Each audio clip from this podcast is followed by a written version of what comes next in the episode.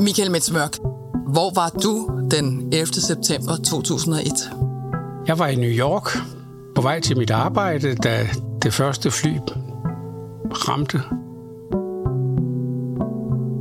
Der findes øjeblikke, der har ændret verden, som vi kender den for altid. Da muren faldt i Berlin. Da de to tårne knækkede sammen i New York, og da Danmark vandt EM i fodbold. Men selvom begivenhederne har været med til at forme vores alles liv, så er de færreste af os set dem ske. Podcastserien Jeg var der er en samling fortællinger om netop de øjeblikke, der har brændt sig fast i vores fælles historie. Fortalt af de mennesker, der var midt i den. I dag har jeg tidligere generalkonsul i New York, Michael Metz Mørk, i studiet. Han var i USA den 11. september 2001, da World Trade Center i New York blev smadret af et terrorangreb, der fik hele verden til at ryste i sin grundvold. Det fortæller han om her. Velkommen til. Jeg tog altid toget ind til mit arbejde. Jeg havde kontor lige skråt over for FN-hovedkvarteret. Jeg hoppede lige ud af Grand Central Station på en vidunderlig septembermorgen. Blå himmel, skøn luft, alt var godt. Kiggede ned mod The World Trade Center, som altid står markant smukt for enden af Manhattan. Og så var der sgu noget, der ramte det ene tårn. Og jeg isnede af skræk. Ja. Og man kunne se, at det var en voldsom, dramatisk ting. Altså, det var ikke bare sådan noget, der eksploderede. Det var fuldstændig vanvittigt syret at se. Pludselig så døde byen. Alle biler stoppede, mennesker stoppede. Det var fuldstændig surrealistisk, og man kiggede på hinanden og sagde, hvad fanden sker der? Og jeg stak hovedet ind i en taxa, der stoppede lige ved siden af.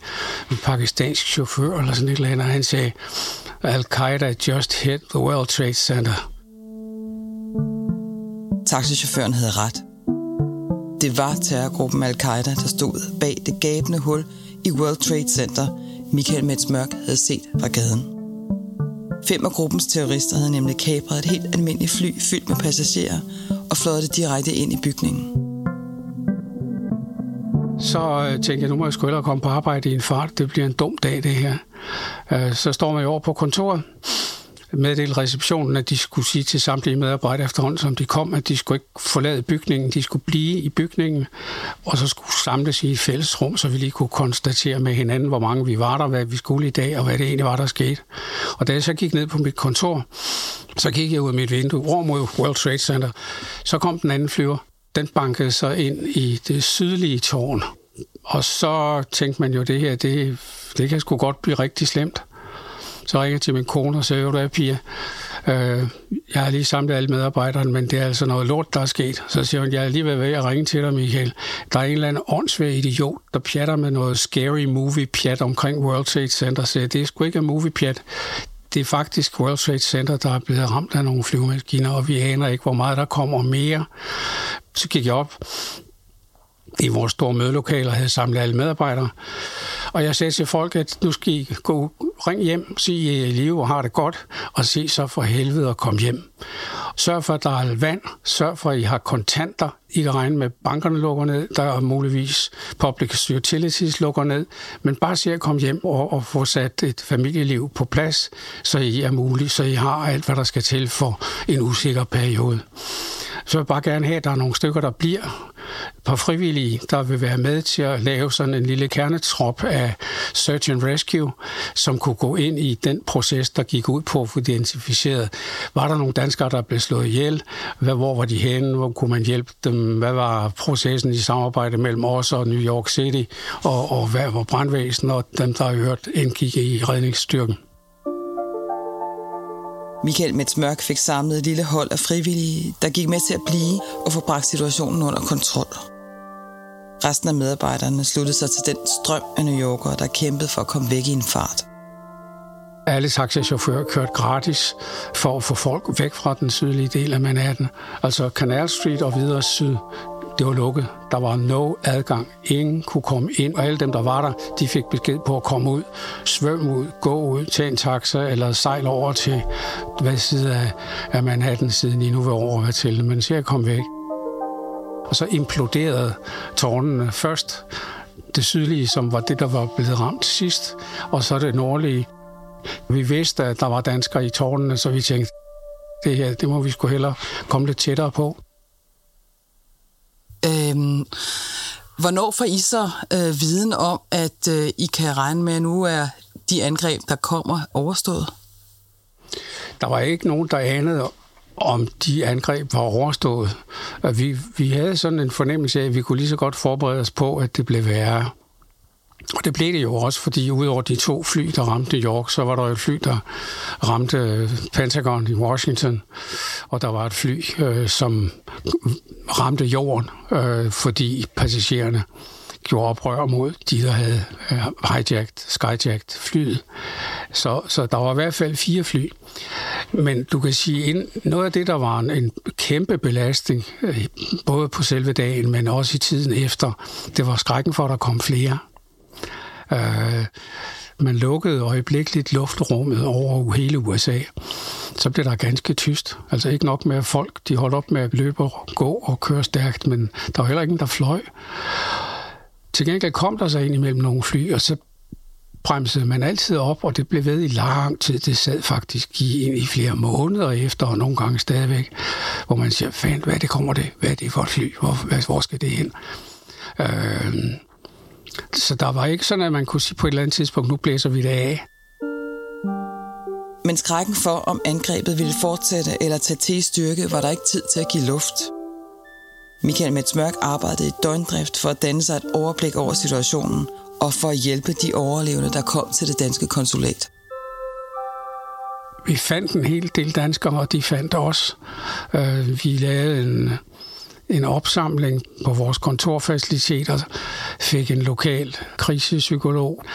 Han øh, kastede vandet i hænderne og kom op og, og sad som en krisepsykolog hos os, og vi lavede nærmest en kan man sige, en slags simpelt feltlasseret på kontoret, og, øh, og samlede nogle af de mennesker op, som kom til os gående som lemminge øh, med det grå støv på sig, så de lignede alle sammen sådan nogle det Michael Jacksons uhyggelige videos, hvor han danser som en død. Og øh, ja, der, der var vi meget operative. Min kone og jeg fik indkvarteret nogle af dem hjemme i vores hjem i Bronx, vi boede lidt nord for New York, der indkvarterede vi nogle af dem.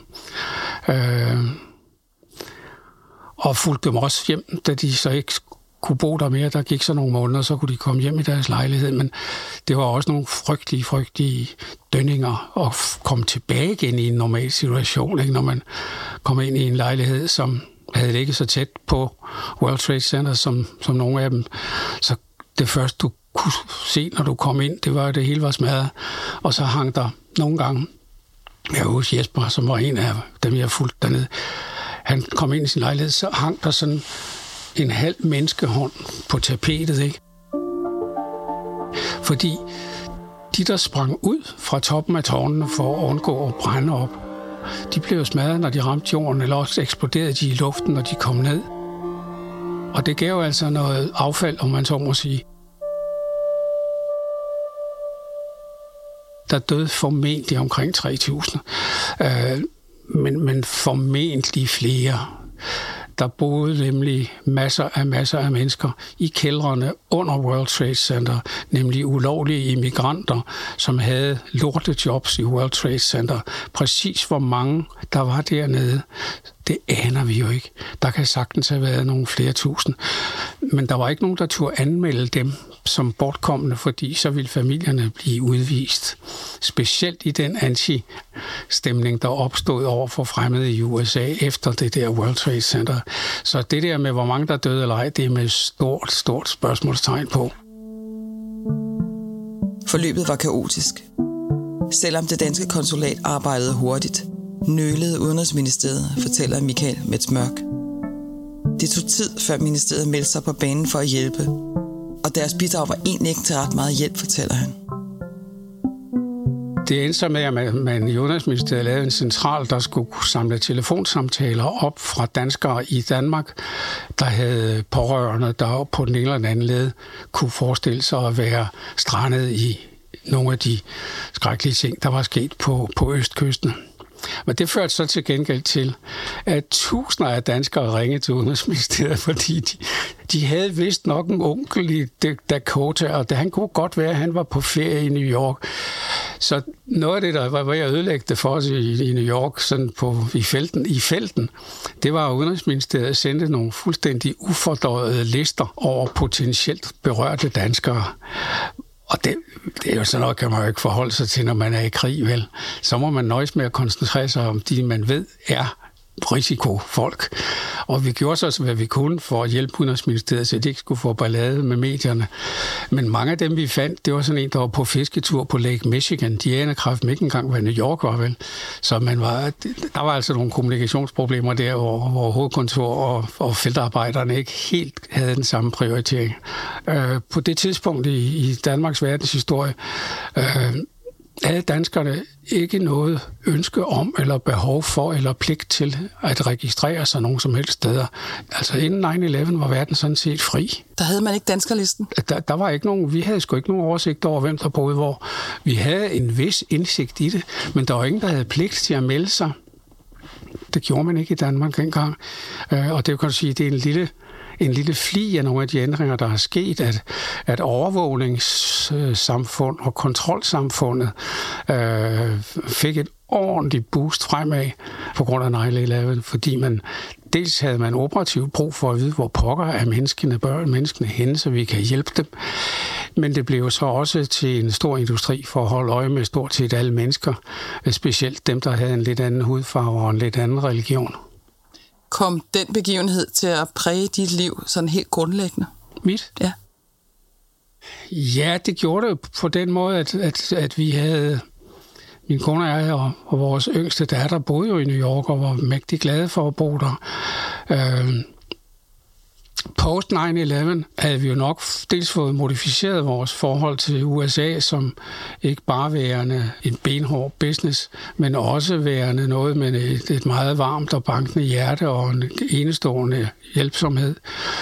Og samtidig kom der jo så i bølgerne efter 9-11 en tid, hvor Bush for ligesom at redde sin præsidentære pumpede øh, 9-11 op til en, en, en, en voldsom global begivenhed, der kunne retfærdiggøre en hver form for straffeaktion og et hvert form for middel øh, til at rense ud i en hver form for politiske afviger eller raceafviger eller på andre måder afviger. Så altså man kan sige, der var, der var, der var noget på den gode side, men der var så sandelig også noget på den dårlige side, som skræmte os. Også fordi vi har meget gode amerikanske venner, som, som, som sagde, pas nu på, hvad jeres datter låner af bøger på biblioteket på det universitet, hun går. Fordi nu holder vi meget øje med, hvem der låner hvilke bøger på alle landets universiteter, og der skulle nogen tage fat på i USA.